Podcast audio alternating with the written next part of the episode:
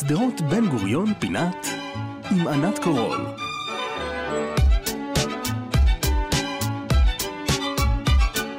כשתקליטו בן גוריון בגוגל, תקבלו את נמל התעופה, את אוניברסיטת בן גוריון שבנגב, את ארכיון בן גוריון אונליין, ורק אחר כך את הערך של דוד בן גוריון בוויקיפדיה.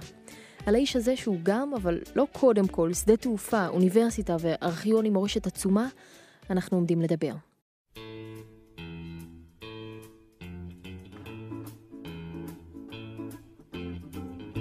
אומרים שמומלץ לעשות כל יום צעידה של שעה, לא?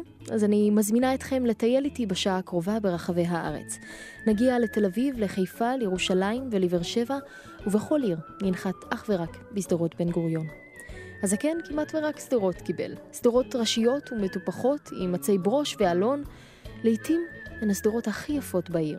דרך האנשים המיוחדים שיהיו בשדרות, נגלה דברים שלא ידענו על בן גוריון. זה לא עומד להיות שיעור היסטוריה. לשם כך אתם מוזמנים אחר כך להיכנס לוויקיפדיה, או אם אתם עוד זוכרים איך, לפתוח ספר. אבל אנחנו עומדים לצאת למסע. אני מתחילה את דרכי בתל אביב, שדרות בן גוריון, שלישי אחר הצהריים. כל שדרות בן גוריון של תל אביב הן ספסלים, יפים ושלווים ומתחת לעצים. מדי פעם יש גם קיוסקים, ואז עוד הרבה הרבה ספסלים. הנה מולי חבורת נערים בני 17, על חבורת חסמבה שמעתם? כי לחבר'ה האלה ניתן לקרוא חסבג. חבורת שדרות בן גוריון. איך אתם מכירים? אנחנו גרים באזור. זה מה שאיחד אותנו, רחוב בן גוריון זה מה שאיחד אותנו. כל הזמן אנחנו פה, כאילו אם תעברי פה, כל היום אנחנו פה. זה, זה הבית, בן גוריון זה הבית. החבורה המתוחכמת של הבנים הללו לא לקחה אותי כל הזמן ברצינות. בחור שכינה את עצמו ניוטון שיתף אותי בידע אדיר לגבי בן גוריון, שדי מהר קלטתי שהוא ציטט מוויקיפדיה. אבל היה גם בחור אחר. הוא, זה שהכריז על הקמת מדינה יהודית בארץ ישראל, היא מדינת ישראל. ודמוקרטית זה חשוב. מה זה באמת מדינה יהודית ודמוקרטית? אנחנו בדיוק לומדים על זה באזרחות. מדינה יהודית ומדינה דמוקרטית ביחד זה ש... שיש סממנים של השפה, של היהדות, של החגים, של המנהגים היהודים, אבל שבכל זאת מבחינה פוליטית אנחנו מדינה שהיא דמוקרטית, שיש חופש ביטוי, אנחנו נולדנו כאילו למדינה שהיא גם יהודית וגם דמוקרטית. איך אתם מסתדרים איתו שהוא ממש חכם ו... נפגשים שלוש פעמים ביום, קוראים לו פעם אחת.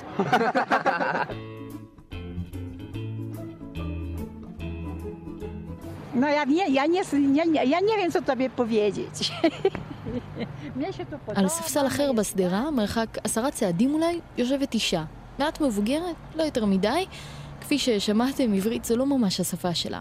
אחסוך מכם את הדו-שיח שניהלנו בשפת הסימנים, אבל בסופו של דבר הצלחתי לבקש ממנה להעביר מסר לעולם בשפתה, פולנית, ולפחות את המילים ישראל ובן גוריון כולכם תוכלו לקלוט. Jest, fajnie jest, no. Ben Gurion, jak ty tam mówisz. No. ובכן, בן גוריון, פעם דוד גרין, נולד ממש ליד הגברת הזאת, בפלונסק שבפולין, ב-1886. הבחור נולד בזמן די טוב. כשהיה בן 11 התקיים הקונגרס הציוני הראשון, ואף על פי שהוא לא השתתף בו, הרעיון כל כך הלהיב אותו. וזה היה הניצוץ. בואו נחזור לשדרות. אני ממשיכה ברחוב בן גוריון, בהצטלבות סמלית עם רחוב בן יהודה. שם אני פוגשת את תמר התל אביבית שיושבת לקפה עם חברה. היא מספרת לי כמה כיף בשדרה, ומסבירה לי, איך נאמר, שאני לא ממש רצויה. זה רחוב מאוד אה, נעים ורגוע כזה, ובלי הרבה אנשים מבחוץ, נקרא לזה. אתה יכול לבהות באיזה האנשים האמיתיים של תל אביב שהולכים לים. מסתבכת, אני יודעת. כי אני מחיפה. כן. אבל לפחות היא מעניקה לי סיפור נחמד. בדיוק היום הורדתי את האפליקציה של האקדמיה ללשון, של המילה הרנדומלית כל יום של ללמוד עברית, כדי שאני אוכל כאילו להיזכר במילים אה, מהפסיכומטרי. הציונות כללה כמובן גם את השפה העברית, ובן גוריון הבין את כוחה. כך, בגיל 14, במקום לשחק במחשב שלו היה אז ולרדוף אחר בחורות, או שמא במקביל, הוא הקים את ארגון עזרא, יחד עם כמה חברים. הארגון הזה לא היה סתם התארגנות של כמה ילדים, אלא ארגון שבו לימד בן גוריון, יחד עם חבריו, את ילדי עירו, העשירים והעניים כאחד, את השפה העברית. חברי הארגון, ממש כמו בן יהודה, הבטיחו לדבר ביניהם רק בעברית, וכך מימשו כבר בעיירה הפולנית הקטנה את תחיית השפה. אז כבר כנער הזקן ידע מה הוא רוצה לעשות, אבל מה לעשות, שלא כולם כאלה. נגיד, את היית רוצה להיות ראש ממשלה? במילים, לא רואים אותך. לא. למה? לא יודעת. זו הייתה יאלי בת השמונה. נוגה לעומתה, כמו פוליטיקאית טובה, לא פוסלת אפשרויות. זה כמובן אחרי שהיא מקבלת אישור מההורים. הלו אמא, יש כאן איזה מישהי מאוד נחמדה, מראיינת לגלי צה"ל. היא שואלת אותי אם אני רוצה להתראיין. האישור מתקבל. את רוצה להיות ראש ממשלה? ראשת ממשלה? אני... אומרים לי שכדאי לי. המשפחה שלי אומרת לי, תראי, זה, את יכולה להתקבל שנייה, אבל אני רוצה להיות מצבת פרסומות. ואם פתאום משתנה הכיוון, יש מצב שנמצא אותך ראשת ממשלה? אני התלבטתי בין ראש ממשל, ראשת ממשלה לבין מנהלת בית ספר. ומה מה חשבת? אמ, האמת היא ששניהם סבבה לי. אני ממש בעד נוגה לראשות הממשלה כממשיכה הטבעית של בן גוריון. אני מתקדמת בשדרה, ויוצא לי לחשוב. אילו רק יכולתי להיכנס ליום אחד לראשו של בן גוריון, ולראות מה הלך שם, איך המנגנון הזה פעל. קטונתי מלנסות לפענח ולו קמצוץ ממה שעבר לזקן בראש. אבל עם עובדות ועם תמונות, אין להתווכח. והתמונות מראות שהראש המבריק שלו, לפעמים היה צריך להסתובב ב-180 מעלות, ולהרגיש את החול מקרוב. וכך אני פוסעת עם גבי לים שנמצא בקצה הרחוב, ממש מרחק של כמה דקות הליכה מביתו של דוד בשדרות בן גוריון 17. כן, לפני שעבר לשדה בוקר הוא גר ממש כאן. כמובן שאז לא קראו לרחוב בן גוריון, אלא רחוב קק"ל. עוד כמה פסיעות ואני מגיעה לקיוסק קק"ל. כן, ממש לא במקרה. די מהר אני מבחינה בבחורה צעירה קוראת ספר. הנוער של היום לא קורא ספרים. כך אמרו לי, אז החלטתי שחשוב להשמיע את כל הצעירים שעדיין קוראים. אבל זה לא היה ממש עוד ספר שגרתי. אז אני קוראת ספר על יוגה, אני מדריכת יוגה מתחילה, אז אני מסתכלת על, על תנוחות יוגה. איך, איך זה קרה שמצאתי דווקא את טל שהחליטה להתיישב בשדרה בדיוק כשעברתי בה ולקרוא את הספר המסוים הזה. מה את עושה כאן? אה, את האמת שאני נורא אוהבת את השדרה הזאת. הכי נעימה נראה לי בתל אביב אחרי רוטשילד. שבן גוריון לא ייעלב. אבל בשדרות רוטשילד זה בסדר, כי בשדרות רוטשילד בן גוריון הקים את המדינה, בבית דיזינגוף. אוקיי, אז בסדר גמור, אז הנה, כבוד. את יודעת מה הקשר שלך לבן גוריון? אה, בטח, אה, בן גוריון ממש אהב יוגה, הוא היה ידוע בזה שהוא עומד על הראש חמש דקות כל יום, וככה מזרים דם לראש, וחושב יותר טוב. גם נוטה לעשות את זה? מדי פעם. אז איך בן גוריון, האיש הרציני והקשוח שבראשו היה רק דבר אחד, הקמת המדינה, התחיל פתאום לעמוד על הראש. זה נוגע לדוקטור בשם פלדנקרייס. תראו, אי שם בשנות החמישים בן גוריון היה מרותק למיטה בשל כאבי גב עזים וסחרחורות שפגעו בשיווי משקלו.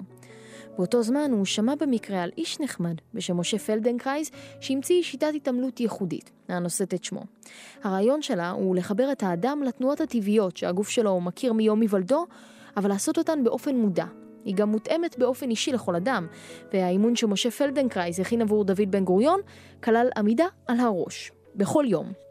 בתחילה בן גוריון די התקשה עם העסק, שכן הוא אמר שגם כילד היה חסר קואורדינציה, מה לעשות, גם בן גוריון צריך להיות לא טוב במשהו. ואפשר לומר שגם פולה לא בדיוק תמכה. היא נהגה לומר, הנה באדון הוקוס פוקוס, רק לא במבטא הזה. אבל אחרי זמן מה, דוד קלט את העסק, והתמונה המפורסמת צולמה אחרי חודשים של אימונים, כשיצא אל הים והראה לכולם שהוא, דוד בן גוריון, יכול לעמוד על הראש.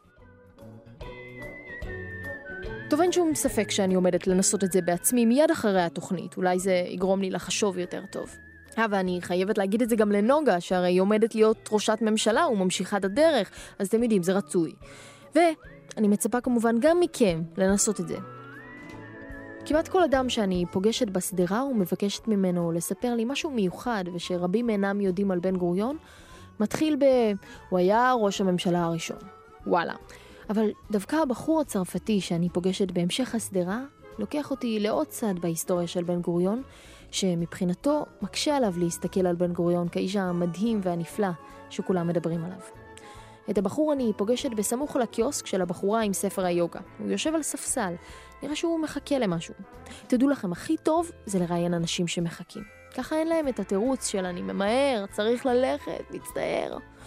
כשהוא עונה לי שלום אני מבינה מיד שהוא עולה חדש. טוב, לא ממש חדש, הוא כאן כבר תשע שנים, אבל אצל הצרפתים המבטא המושלם פשוט לא מתקהה. הוא מספר לי למה עלה ארצה. עדיף לחיות כאן ו... וש... ובלי אנטיסמיטיזם, אנטישמיות, מלחיות שם עם אנטישמיות. גם אם זה יותר קשה ומרוויחים שליש ממה שהי... שהייתי יכול להרוויח שם, אבל פשוט באתי לכאן כיוון ש... שדגחו אותי. ו... דגחו אותך? כן, זה קורה בצרפת, את לא קוראת חדשות. כן, דגחו אותי, אז באתי, לה... באתי לארץ, וזהו.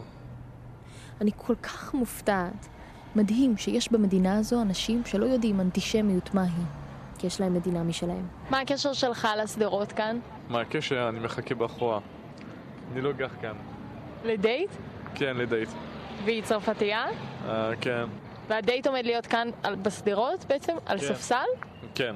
אמרנו, אמרנו שזה יהיה יותר כיף, כאילו, עם קצת אוויר ובקבוק יין שאני קונה במכולת. אז בהצלחה לך. תודה רבה. אבל כשאני שואלת אותו על בן גוריון, הוא מפתיע אותי. היה אצ"ל והיה את, ה... את הצבא הגנה לישראל, והוא היה ספינה של האצ"ל והוא פיצץ אותה כי הם הביאו נשקים. זה הוא שעשה את זה? כן. כן. נראה לי שכולם אומרים שהוא הקים את ה... הוא אחד מהאנשים שהקימו... שהקים את המדינה וסבבה, אבל uh, אי אפשר לעשות דבר כזה, כאילו, זה לא... אני יודע שאני הולך נגד כולם, אבל כי כולם אומרים בן גוריון זה הוא, זה כמו איזה משה רבנו. אבל תכלס, יש איזה מחיר שלא משלמים. אולי היה לו סיבות, ואולי היה לו כל מיני אינפורמציות, אבל מה, להרוג אנשים מהעם שלנו זה לא כל כך מקובל עליי. דוד דיבר כמובן על פרשת אלטלנה, שעדיין מעוררת דיון ציבורי סוער. השנה היא 1948, חודש אחרי הקמת המדינה. הארגונים הצבאיים של התנועות השונות שפעלו בארץ לפני קום המדינה, ההגנה, האצ"ל והלח"י, התאחדו תחת ארגון חדש בשם צה"ל. ב-20 ביוני 1948 מגיעה לישראל ספינה של האצ"ל בשם אלטלנה, עליה עולים רבים וגם נשק רב. מנחם בגין, מפקד האצ"ל, ביקש מנציגי משרד הביטחון שהנשק יגיע בעדיפות ליחידות צה"ל שהורכבו מחיילי האצ"ל. בן גוריון סירב, מבחינתו למדינה החדשה יש רק צבא אחד, ובו כולם חיילי צה"ל. לכן לא תהיה כל העדפה. זה היה עקרון הממלכתיות שביקש לממש. בן גוריון העביר בממשלה החלטה לעצור את פריקת האונייה, גם בכוח. כשהספינה עגנה בחופי תל אביב, פתחו אנשי הפלמ"ח לשעבר שהיו על החוף בירי לעברה. התפתחו חילופי אש עזים בין אנשי האצ"ל שהיו על הספינה ובין אנשי הפלמ"ח. בחילופי האש הללו נהרגו 16 אנשי אצ"ל ושלושה חיילי צה"ל. לאחר אירועי הדמים, בגין, שהיה בעצמו על הספינה וירד ממנה אחרון על חסקה, פנה לאנשיו, שחלקם ביקשו לנקום בבן גוריון, וקרא להם לא להגיב, כדי למנוע מלחמת אחים. זו הייתה נקודת שבר בהיסטוריה של המדינה, שכן במהלך מלחמת העצמאות בין הקרבות עם מדינות ערב השונות, מצאו עצמם יהודים יורים ביהודים. הגרסאות של הפרשה רבות וסותרות, ואולי לא נדע לעולם מה בדיוק קרה שם. אבל לפני מותו אמר בגין שהוא רוצה שיזכרו אותו מעל הכל כאיש שמנע מלחמת אזרחים בעת קום המדינה, דבר שבעיניו היה חשוב יותר מהישגיו כראש הממשלה. ואילו לאחר פגישה של בן גוריון ובגין בשנת 67, ערב מלחמת ששת הימים, כשבגין ניסה לשכנע את בן גוריון לחזור לראשות הממשלה, ריכך בן גוריון את יחסו אל אויבו המושבע, ואמר כי הוא משוכנע שכיום בגין לא היה פועל כפי שנהג אז. כדי לסיים את המסע בתל אביב עם חיוך, ביקשתי מנוגה, ראשת הממשלה לעתיד, שתסכם לנו את בן גוריון בחמש מילים. אה, הוא היה איש מאוד נחמד. תל אביב הספיקה לי, התחשק לי לחזור הביתה, לצפון. אני נוחתת בשדרות בן גוריון שבחיפה ומרגישה בבית. את הרחוב הכי יפה בחיפה קיבל הזקן. אני מרימה את מבטי ורואה את הגנים הבהאיים המהממים, וכשאני מורידה את ראשי, אני קולטת בנוף שלושה אנשים חריגים. השיער הבלונדיני, המבט המשתומם, תחושת הזרות, והדבר שמכריע סופית את היותם ממש לא מכאן, מכנסי השלושת רבעי. מכנסי השלושת רבעי, רבותיי, הן פריט לבוש ארכיוני שמתעורר לחיים בכל פעם שמישהו מחליט לעזוב את ארצו ולטייל בארץ אחרת. ואני שואלת למה, אבל זה לא העניין. פליציטס, קטרינה ושטפיין מספרים למה הגיעו לביקור דווקא כאן. Oh, your country is a very interesting country. המדינה שלכם מאוד מעניינת, והיינו רוצים ללמוד עליה יותר. Over your country. תמיד יש כאן המון תיירים שמגיעים לאכול באיזו מסעדה טובה אחרי הסיור עוצר הנשימה בגנים הבהאים. הגנים שכמו מאירים את השדרה, באור הכי יפה שיש. אנחנו מפטפטים קצת ואז מגיעים לנושא. הנושא. זה שתמיד קשה לדבר עליו. אני שואלת אותם אם הם שמעו על הסכם השילומים, וכשאני מבינה שלא, אני מסבירה. השנה היא 1951. השואה הסתיימה רק לפני שש שנים. ניצולי השואה שהגיעו לארץ הם עדיין עולים חדשים, והפצע פתוח וזועק. בארץ מונהגת מדיניות הצנע והמצב הכלכלי קשה מנשוא. ישראל מבינה שהיא זקוקה לכסף ושיש לה אפשרות להשיגו. הבעיה זה דורש דו-שיח עם גרמניה, ואילו ישראל מחרימה את גרמניה. הרעיון היה לתבוע מגרמניה פיצויים על הרכוש הרב שנגזל מהעם היהודי, ושאת רובו כבר לא ניתן יהיה להשיב לאנשים עצמם. על כן, אמר בן גוריון, יש להשיבו למדינת ישראל, שהיא נציגת העם היהודי, ולאזרחיה, ניצולי השואה. לאחר ישיבות ממשלה סוערות, בן גוריון הורה לפתוח במשא ומתן עם גרמניה המערבית, אחת ממדינות גרמניה לשעבר, שהשתייכה כבר לגוש המערבי. במהלך המשא ומתן עם גרמניה היה פולמוס אדיר בחברה הישראלית, כאשר בראש המתנגדים עמד יריבו הנצחי של בן גוריון, מנחם בגין. המתנגדים כינסו הפגנות ענק ובהן קראו לסרב לנהל משא ומתן עם מרצחים. מנחם בגין אף קרא כמעט למרי אזרחי. אבל בשנת 1952 ההסכם נחתם ונקבעו פיצויים בסך שלושה מיליארד שקלים. אז מה גרם לו להתעקש כל כך על ההסכם? היה זה גם המניע הכלכלי, אבל היה זה גם משום שהרגיש שהמדינה חייבת להיפתח למדינות המערב, ושהמציאות השתנתה. ואולי לעובדה שאני, פליציטס, קטרינה ושטפיין דיברנו ממש עכשיו בחופשיות כזאת, יש איזשהו קשר לכך. I didn't know this detail, but I understand and I. לא ידעתי את הפרט הזה, אבל אני מבין, ודיברנו על זה כשהגענו לישראל, שזה אמנם נעשה בעבר, ולא נולדנו אז, אבל אנחנו עדיין מרגישים בושה על מה שקרה, ועל מה שהגרמנים עשו אז ליהודים. אז אמרנו שאנחנו מאוד ברי מזל שהקשרים בין המדינות כל כך טובים עכשיו, ואנו שמחים שאנחנו כגרמנים יכולים לבוא לישראל ולא להרגיש שזה מפריע למישהו שאנחנו מגרמניה. ואנחנו חותמים את שיחתנו בנימה אופטימית מפי פליציטס. שיהיה לכם יום נעים. מה לגבי אהבה? כולם הרי יודעים שהייתה פולה, שהקדישה את חייה למען אהובה, שהריצה אותו, אבל מה לגביו? איפה הוא היה בקשר שלהם? את ניר פגשתי באחת הסמטאות המסתעפות מן השדרה. הוא הלך שם עם חבריו, חבורת נערים מתבגרים. הם מצחקקים, מפטפטים, עד שאני מעיזה להפריע להם, ומבקשת מתנדב. מי מכם שחקן? אני את האמת, אני עשיתי פסיכודרמה. לקחתי את המצחיקן הראשי, את ניר, שהבחנתי בכישרונו הדרמטי המובהק, ודרשתי ממנו, קח את עצמך בידיים, היה רציני, ותקריא לי את המכתב המדהים שכתב דוד לפולה שלו, ב-1918.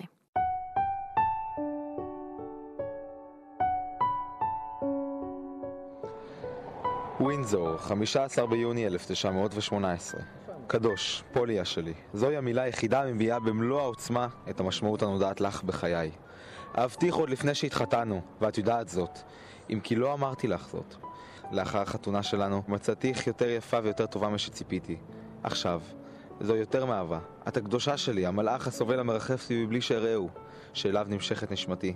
שאליו אני מביט בעיניים מורמות, אל על, כי רואה אני אותך עומדת למעלה מעליי, כי מה שאת עשית הוא גדול יותר, ללא שיעור יותר ממה שאני ואחרים עושים, וקורבנך כה גדול, עד שאני רוצה לפעמים להסיר כובעי ולהשתחוות, להשתחוות עמוק לגבורתך, אשר כל חיי לא אחדל להשתומם לה ולהריצה. בהחלט ריגש לו, עד שהוא החליט להוסיף את ההבחנה שלו. מי כותב דבר כזה לבנות היום? לא, אבל תחשוב, כאילו, אוקיי, תסתכל על בן גוריון. אם היא הייתה משאב הכוח שלו להוביל מדינה שלמה לניצחון, אז למה לא להריץ אותה גם?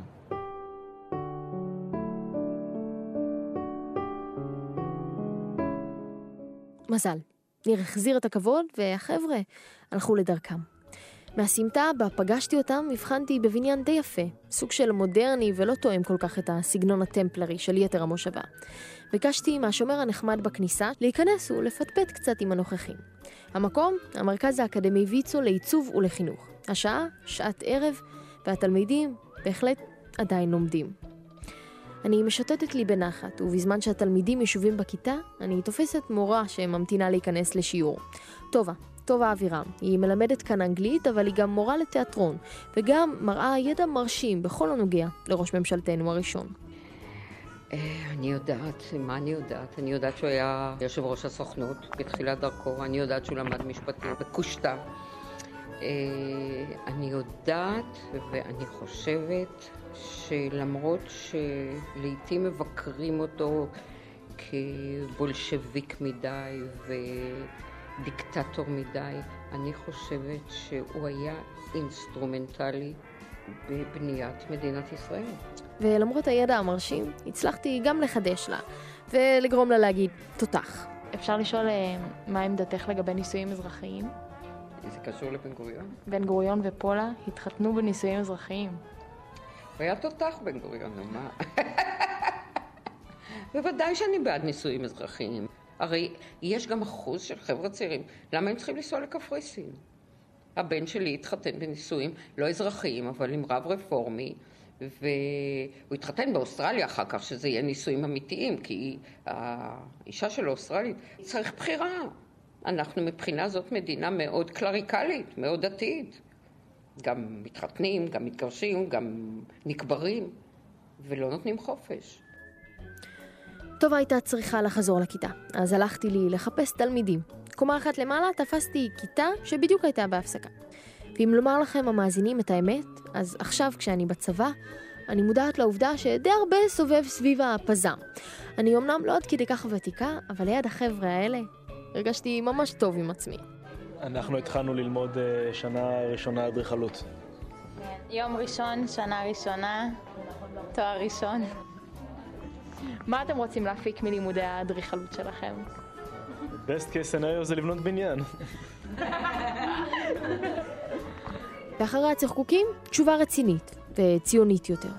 אדריכלות, אה, לתת מעצמך בשביל המדינה, לבנות את עצמך במדינה, להשאיר חותם במדינה. דמיינו עכשיו את החזה של בן גוריון מתנפח מגאווה. ואל תדאגו, יש לבן גוריון גם סיבות להתגאות בעצמו. הייתי שמחה לספר לכם משהו שקשור באדריכלות ובן גוריון. אמ, הוא קיבל כל מיני דברים, מן הסתם תארים וכאלה, אה, והטכניון החליט להעניק לו אה, תואר דוקטור לאדריכלות לשם כבוד. עכשיו תנחשו למה, כי זה שנון כזה. בוא, בוא, בוא. יפה. הוא היה חתיך גם, הוא היה לו סטייל כאילו של... אה, היה לו לוק ששווה... הוא היה חזק בווינטג'. אבל למה, למה הם נתנו לו את התואר הזה לשם כבוד? כי הוא בנה את המדינה, מה זאת אומרת? כל אחד יודע את זה. אולי יום אחד גם מישהו מהם יהיה דוקטור לאדריכלות. ועד שזה יקרה, עליי להמשיך לשוטט במושבה. החושך כבר ממש ירד, והבהאים זוהרים באורם המהפנט. אני נכנסת לתוך בית מלון קטן, חדד שמו, ומתקבלת בברכה על ידי הבעלים.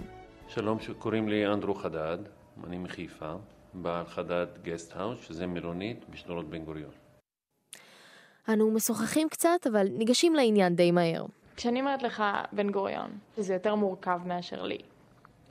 זה בהחלט מורכב כאשר זה מעורר כל מיני אסוציאציות. בעיקר, את כבר מבינה שאני לא יהודי ולא ציוני באותה מידה, אז אני ערבי ואני יליד הארץ, גם אבא שלי, גם הסבא שלי.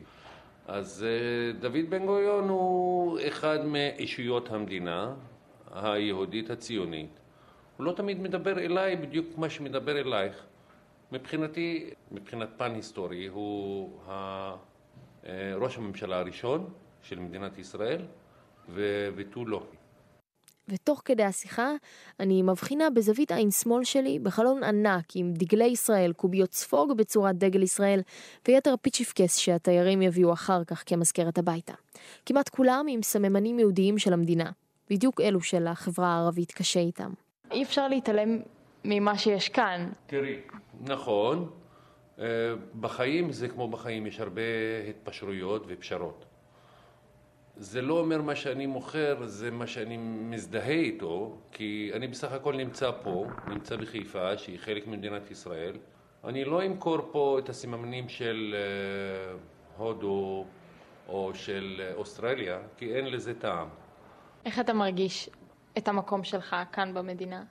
תראי, זה, זה קצת מורכב. אני כאדם, אני יכול לקבל את כל הזכויות שאני מחפש אותן כאינדיבידואל, אבל אני כחלק מקולקטיב, זה לא בדיוק כך.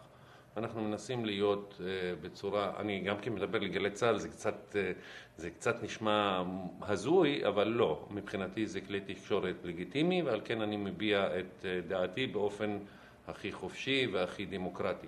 אנחנו כקולקטיב, חסר לנו הרבה דברים. אין מנוס גם מלהתייחס לעברית הרהוטה שלו. העברית היא שפה מאוד יפה, ואני אהבתי אותה מאז שהייתי בגן. ואנחנו לא אויבים של שפות ולא אויבים של אנשים. אנחנו בסך הכל, יש לנו מחלוקת אה, אידיאולוגית ומחלוקת לאומית. ועל כן אנחנו, אני חושב שאנחנו חייבים ללמוד את השפה של השונה ושל האחר, ומה עוד? של השכן. הייתי מאוד אה, רוצה לשמוע את הצד השני שידבר ערבית גם נכונה ולא ערבית של חומוס וניגוף חומוס. זה הכל. תודה לך. יאללה. יש משהו שאתה רוצה להוסיף? ש... כן. הייתי מאוד רוצה שהצד, שכל הצדדים, בוא נאמר, שיתפכחו ויסתכלו אחד לשני בגובה העיניים ולא ככובש ונכבש ולא שאדם רוצה לזרוק את השני לים.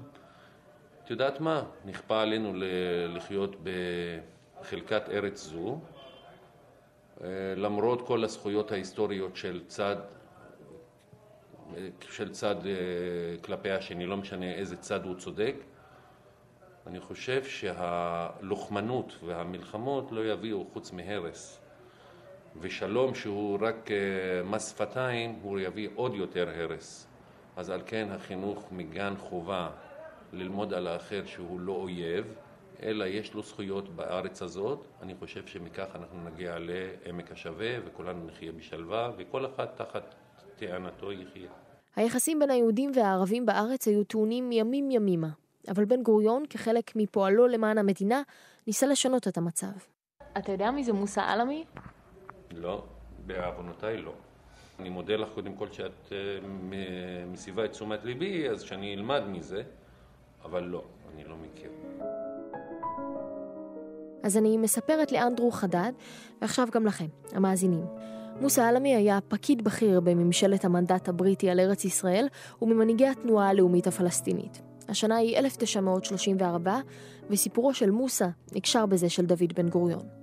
בזמן הזה, כשהמחשבה על הקמת מדינה יהודית כאן נשמעת עדיין כמו חלום רחוק, נפגש בן גוריון עם מוסא עלמי, באחת הפגישות המעטות שהיו בין מנהיגים יהודים לערביים. הם דנו בניסיון לבדוק את שיתוף הפעולה בין היהודים והערבים, ולראות האם וכיצד יוכלו לקיים חיים משותפים כאן בארץ ישראל. לא יצא מהשיחות הללו הרבה מלבד חיבה הדדית, אבל בשנת 1968, כלומר יותר משלושה עשורים אחר כך ושלוש מלחמות מאוחר יותר, הם נפגשו שוב. מה שהיה עוד יותר מיוחד בפגישה הזו, ואולי מדגים את אופיו הייחודי של דוד בן גוריון, הוא שבשנת 1968 בן גוריון כבר ממש לא היה ראש ממשלה.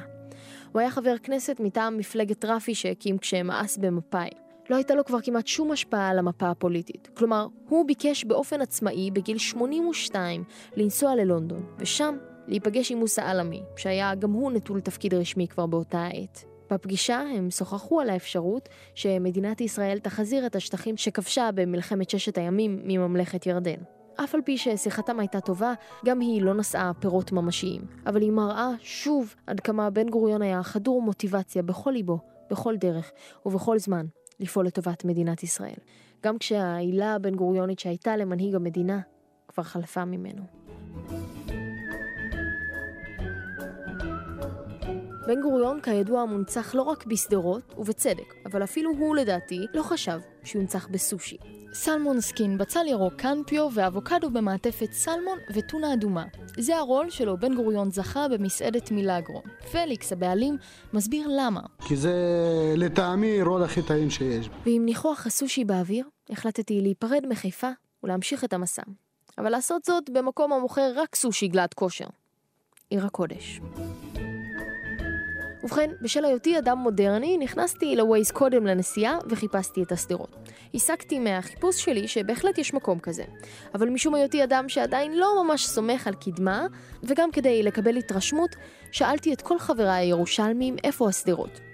והרי תוצאות הסקר שלי. איש, גם לא אלו שמחשיבים עצמם יודעי דבר בירושלים, לא ידע איפה השדרות הללו ממוקמות. אז שאבטר? לא בדיוק.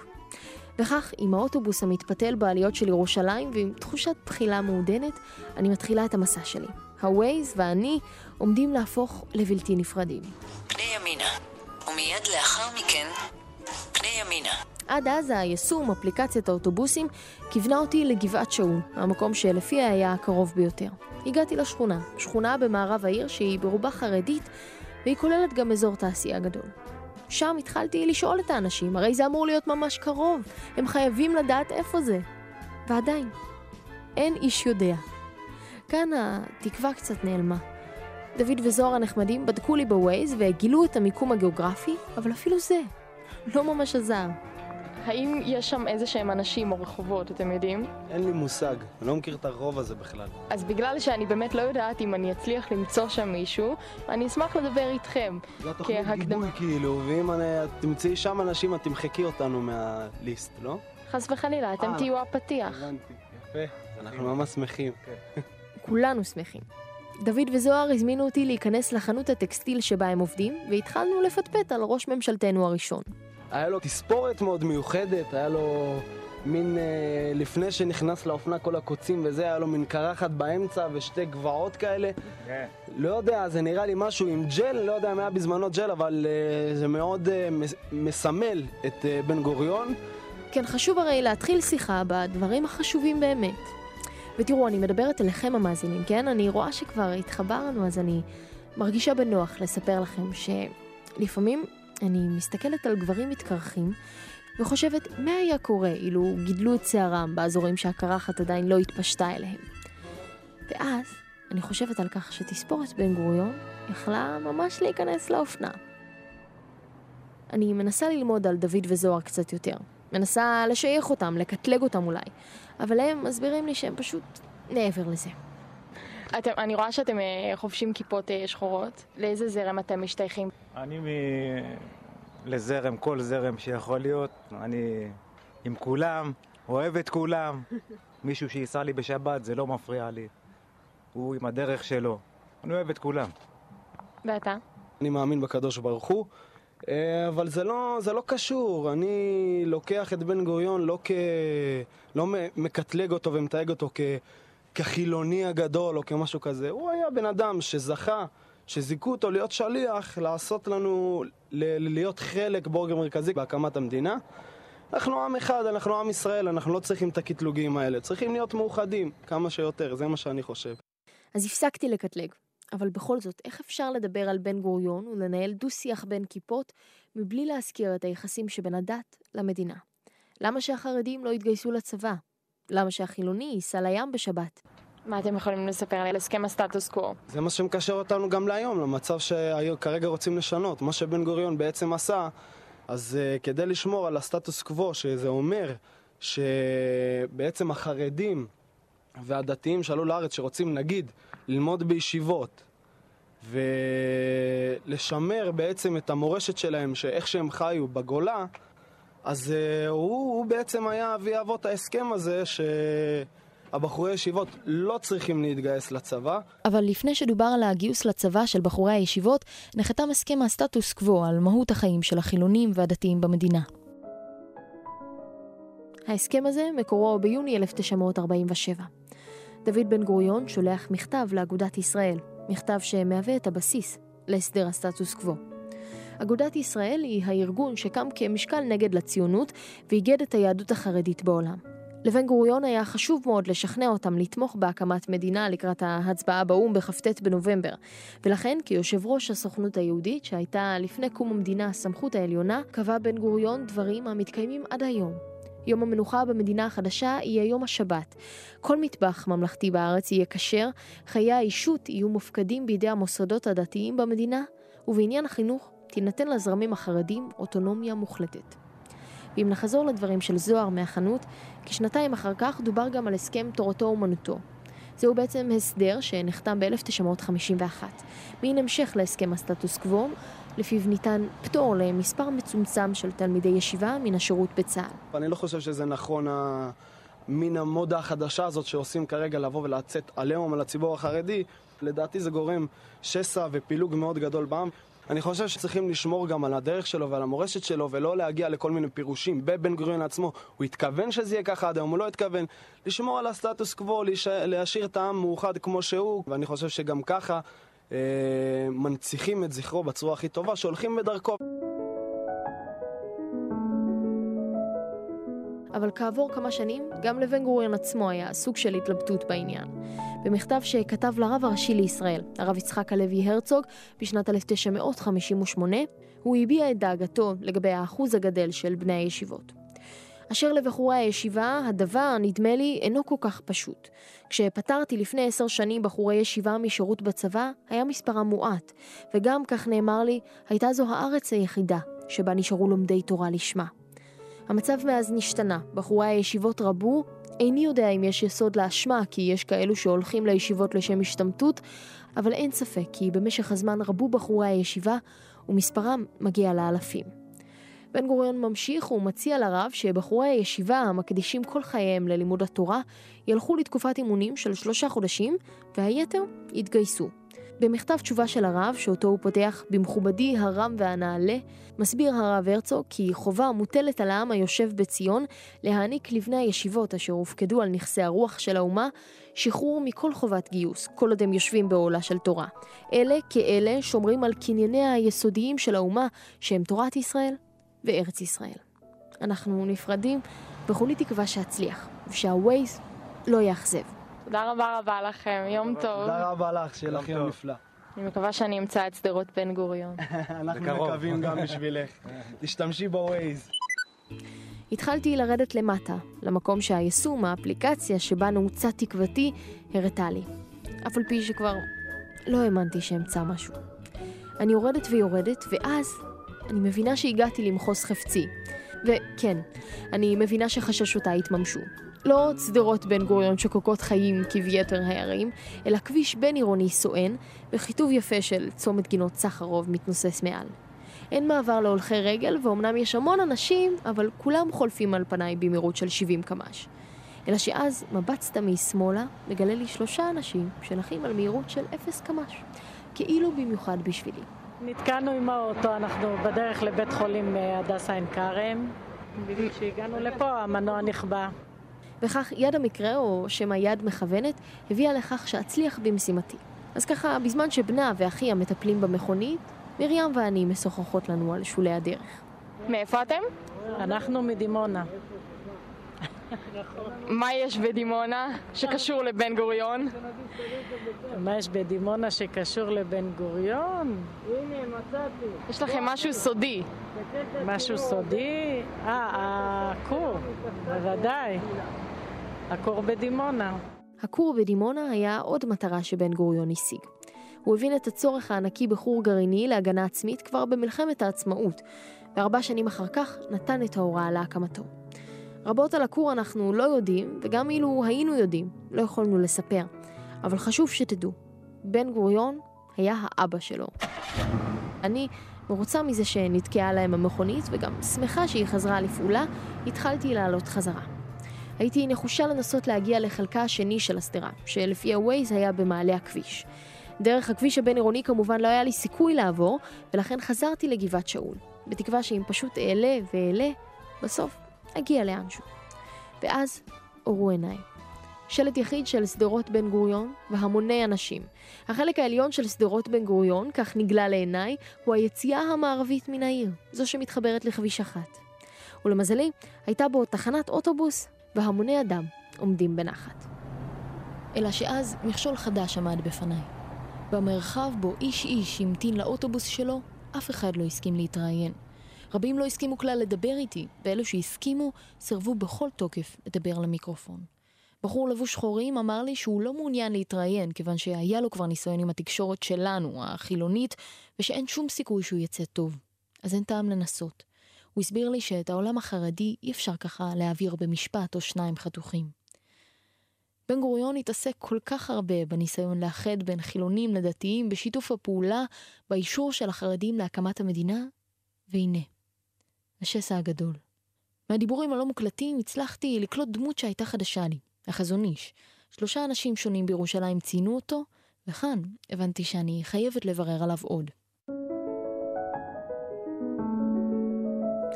החזון איש, או בשמו המקורי, הרב אברהם ישעיהו קרליץ, היה גדול הרבנים החרדים בתקופת קום המדינה, אפילו שלא אחז במשרה רשמית כלשהי. הוא היה יושב בביתו הצנוע בבני ברק, ואלפים היו באים לשמוע את מילתו. אחד מאותם אלפים היה דוד בן גוריון. בן גוריון היה ידוע בכך שלמרות העובדה שהתקשה להבין את הדת, אהב את התנ"ך אהבת נפש. אבל את העולם החרדי הוא התקשה להבין. הרקע לפגישת בן גוריון והחזון איש בשנת 1952 היה הצעת חוק להכיל על בנות דתיות המשוחררות משירות צבאי את השירות הלאומי. ההצעה עוררה תרעומת בקרב המפלגות הדתיות שפרשו מהממשלה בעקבותיה, וגם אצל החזון איש. לכן דרש בן גוריון, אני רוצה להיפגש עם החזון איש. בפגישה הזו ביקש בן גוריון מהחזון איש להסביר לו איך יהיה ניתן למנוע פילוג בעם. החזון איש ענה לה במשל, כאשר על גשר צר עוברות שתי עגלות, עגלה ריקה ועגלה מלאה, העגלה הריקה צריכה לפנות את הדרך לעגלה המלאה. החזון איש התכוון שהעגלה המלאה היא החרדים, ואילו הריקה היא הציונים. על הנושא הזה הם העבירו דין ודברים, ולמרות אי ההסכמה, הקשרים בין בן גוריון והחזון איש נותרו חמים, והם נפגשו עוד מספר פעמים. בן גוריון אמר אחרי פגישתם, לא זה שלא פגשתי מימיי אדם כה פיקח, אלא שגם לא העליתי על דעתי שיכול להיות אדם כה פיקח. והחזון איש אמר על בן גוריון, יצא ממני איש עם נשמה גדולה. כאן התמונה השתנתה.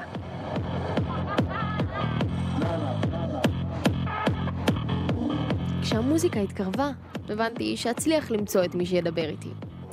הטרנזיט המפורסם של חסידיו של רבי נחמן מאומן, המוכרים כל כך בשל המוזיקה שהם מפעילים ברחוב, הריקודים ושמחתם, הגיע גם אל השדרות שלנו. שכנעתי אותם לכבות את המוזיקה כדי שנפטפט לנו, והם התחילו בעסקים. את מראיינת אותנו, אבל את צריכה לקחת ספר אה, בסוף השידור. דווקא החבר'ה של ננח, כך לימדו אותי להגיד, מייצגים איזשהו חיבור בין החברה החרדית, זו שעד כה סירבה לדבר איתי, לבין החברה החילונית. זה כל הגדולה של רבי נחמן, שהוא יורד לכל המקומות, לכל החילוניים וגם לדתיים. והוא מלמד, מגשר בין כולם, לראות את הנקודה הטובה בכל אחד, בכל יהודי יש נקודה טובה. למרות שמבחינתם אפשר לדבר רק על רבי נחמן, אני מצליחה לגעת בהם, גם באמצעות בן גוריון. דוד בן גוריון אהב את התנ"ך ברמה לא נורמלית. בגללו הוקם חידון התנ"ך, הוא עשה חוג תנ"ך בביתו, הוא היה חבר בחברה לחקר המקרא, הוא כל הזמן קרא, היו לו ציטוטים על השולחן עבודה שלו, מתחת לזכוכית, ציטוטים מהתנ"ך. יפה, ברוך השם. אשריו אשרי חלקו, כל מה שיהודי זוכר בשביל אה, השם ולתורה, אשריו אשרי חלקו, באמת. הרבי נחמנים צריכים לעזוב לתחנה הבאה, ואני נפרדת מהם ומירושלים. יש לכם עוד משהו להוסיף? נח, נח, נחמן, נחמן מאומן, זה השיר של הגאולה.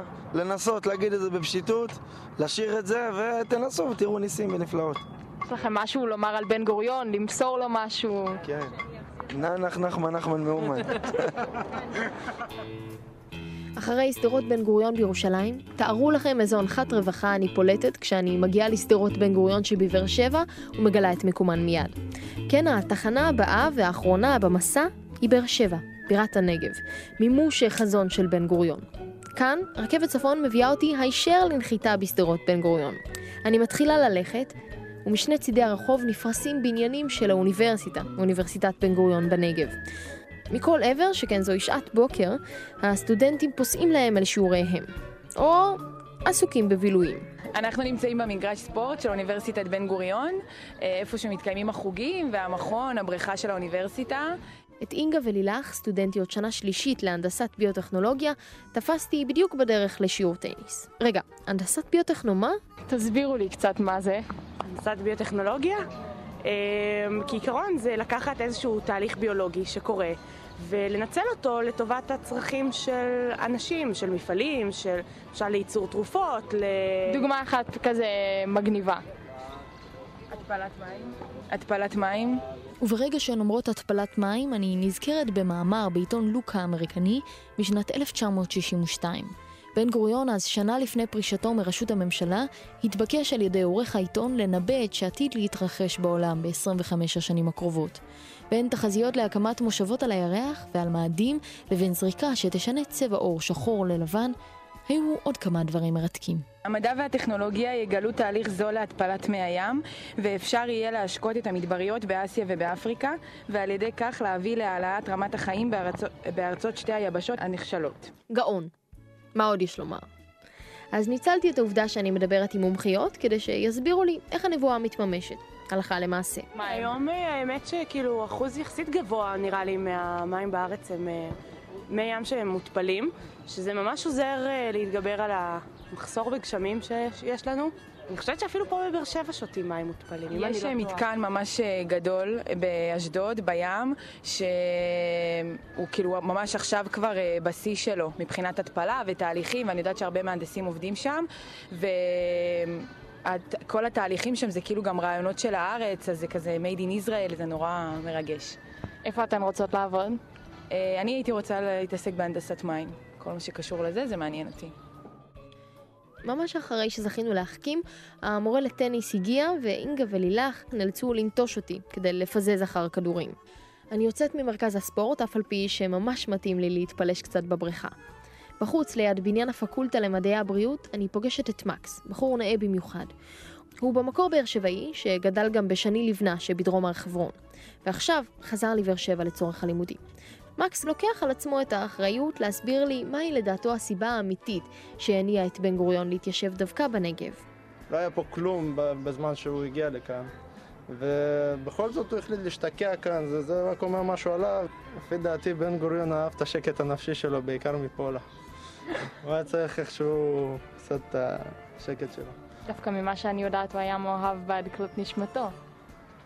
הוא, אני בטוח בכך, אבל uh, בכל אהבה צריך גם את השקט. זה טיפ אה, לחיים בכלל. כן. בואו לבאר שבע עם האהבה שלכם, תוכלו גם לזכות בה וגם לקבל שקט נפשי. בוודאי, בוודאי, בוודאי. ואם כבר פולה, האישה החזקה והמופלאה שהקדישה את כל חייה לבן גוריון, סיפורו של מקס נקשר בה אישית. טוב, כמעט אישית. נאמר, קצת בעקיפין. נאמר, שאילו הוא רק נולד 50 שנה קודם, בטוח היה מגיש לפולה גלידה. כפי שאני יודע, גם עבדתי במקום הזה, פולה בן גוריון הייתה מגיעה לעיר העתיקה בבאר שבע, לגלידה באר שבע, באר שבע, סליחה, לפני 50 שנה בערך, והייתה קונה קופסאות גלידה הביתה, ואני בטוח שגם בן גוריון היה אוכל פה ושם גלידה של אה, גלידה באר שבע. יש, יש בגלידה באר שבע גם יוגורטים? בוודאי. אז אני אשמח לספר לך ש... הרי בן גוריון היה אה, אדם עם המון אה, כריזמה ויכולת לקבל החלטות אה, בעצמו, אבל כמו שדיברנו על האישה, היה משהו שפולה הכריחה אותו לעשות. היא בעצם הכריחה אותו כל יום לאכול איזשהו יוגורט, שהיא קראה לו קוצ'מוץ', והוא הכיל לבן ויוגורט ותרכיז פטל וסוכרזית. היית הולך על זה? באמת נראה לי זה קצת יותר מדי אקזוטי הייתי אומר. האמת היא שבן גוריון שנא את זה גם, אבל הוא המשיך לעשות את זה כי הוא אהב את אשתו, וגם לאחר מותה הוא המשיך לאכול את זה, פשוט כי זה גרם לו להיזכר בה. אני בטוח שפולה גם הייתה פולניה והוא גם אהב אותה וגם מצד שני גם קצת פחד ממנה, אז הוא גם המשיך לעשות את זה אחרי, בשביל שלא יהיו לו בעיות. פולה הגיעה מבלארוס, אבל נניח. את ביקורי בבאר שבע אני מסיימת כשאני עושה אחורה פנה וחוזרת דרך שדרות בן גוריון אל תחנת הרכבת. דרכי נפגשת שם עם זו של דוד מויאל, באר שבעי שעלה ארצה ממרוקו ב-1956. אני באתי בגיל 13, בשנת 56. הגעת לבד? לבד, מעליית הנוער. אבל כשאני חושבת על דוד, מויאל, כן? ועל תקופת עלייתו, דבר אחד קופץ לי מיד לראש. מדיניות כור ההיתוך של בן גוריון. שאיפתו ליצור זהות של ישראלי חדש על ידי מחיקת הסממנים הגלותיים של העולים החדשים. מה לגבי uh, המדיניות של הכור ההיתוך שלו? היה, עד עכשיו אני תמיד uh, אומר שהוא היה בסדר. הוא היה איש מאוד חכם, אז הוא ידע איך לה... להנהיג את המדינה. ולא הרגשת שאיכשהו מנסים לקחת ממך את הזהות והמסורת שלך? לא. לא.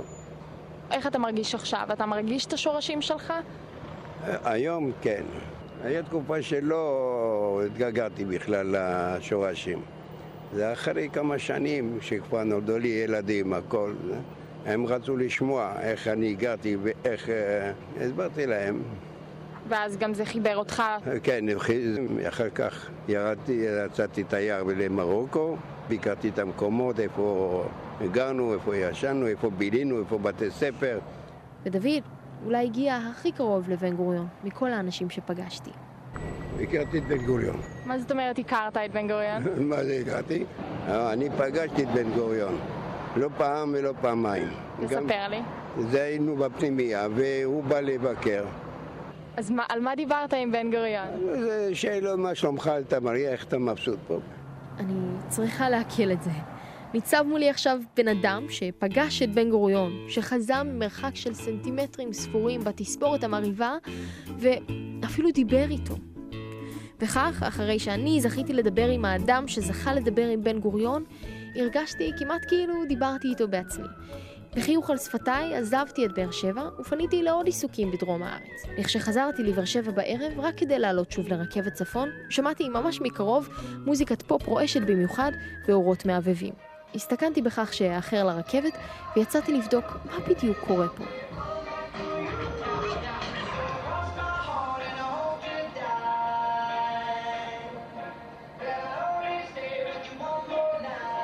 אנחנו נמצאים בבאר שבע, ברכבת, במסיבת רחוב מטורפת. הרבה אנשים, מפוצץ פה, אי אפשר לנשום. דוכנים, אוכל, משחקים. החזון התגשם, בן גוריון. כן, מסיבת רחוב לרגל פתיחת שנת הלימודים הסטודנטיאלית. אז למה הגעתם דווקא לבאר שבע? בגלל המסיבות. בגלל האווירה של יאני, בסיס סגור יאני, כולם מכירים פה את כולם, כולם יוצאים לאותם מקומות, כולם חברים. וזהו, אווירה טובה פה בגדול, יש פה מסיבות, מסיבות סטודנטים כל יומיים בערך. תוך כדי הריקודים הם מסבירים לי מה היה חזונו של דוד בן גוריון. בגדול המטרה שלו היה זה מה שאנחנו באים לפה בגדול ללמוד. אה, להחיות את הנגב, להביא לפה אנשים צעירים שאולי ירצו להישאר פה גם לגור. נאמר שלום וצל"ש לאדי, שאני בטוחה שיושב ראש הסוכנות היהודית בעבר, דוד בן גוריון, היה טופח על שכמו. הייתי עכשיו שליח של שנה מהסוכנות, מטעם הסוכנות היהודית בדרום ארצות הברית, ונרשמתי לאוניברסיטה בארצות הברית. אמ, חזרתי לארץ לפני ממש מעט זמן, ישר לבאר שבע, וישר בטירוף, ומסתכלים קדימה, שלוש שנים לפחות. לפחות. זו מילת המפתח. ועל אף שאני משערת שבן גוריון לא חיבב כל כך מסיבות, אני מאמינה שאחרי הדברים הללו, בן גוריון היה לוקח את עצמו למרכז הרחבה ועומד על הראש. מר דוד בן גוריון, נדמה לי שחזונך ממש, אבל ממש, מתגשם. שדרות בן גוריון פינת אני הייתי ענת קורול. תודה לאבשלום קור על הייעוץ הלשוני, תודה לאבי שילון, מחבר הספר בן גוריון אפילוג על הייעוץ המקצועי, תודה לטל חסון, אילן גביש, בר דותן, אביטל מוסטו וגל דרייזין על הביצוע הטכני, תודה גם לשיר מאיר. אם אתם רוצים לקבל עוד קצת מידע על הזקן או לשתף אותנו בקשר המיוחד שיש לכם עם בן גוריון, אתם מוזמנים להיכנס לעמוד הפייסבוק של התוכנית, סדרות בן גוריון פינת בגלי צה"ל. תודה רבה לכם שהאזנתם. ולכו לעמוד על הראש. יאללה ביי.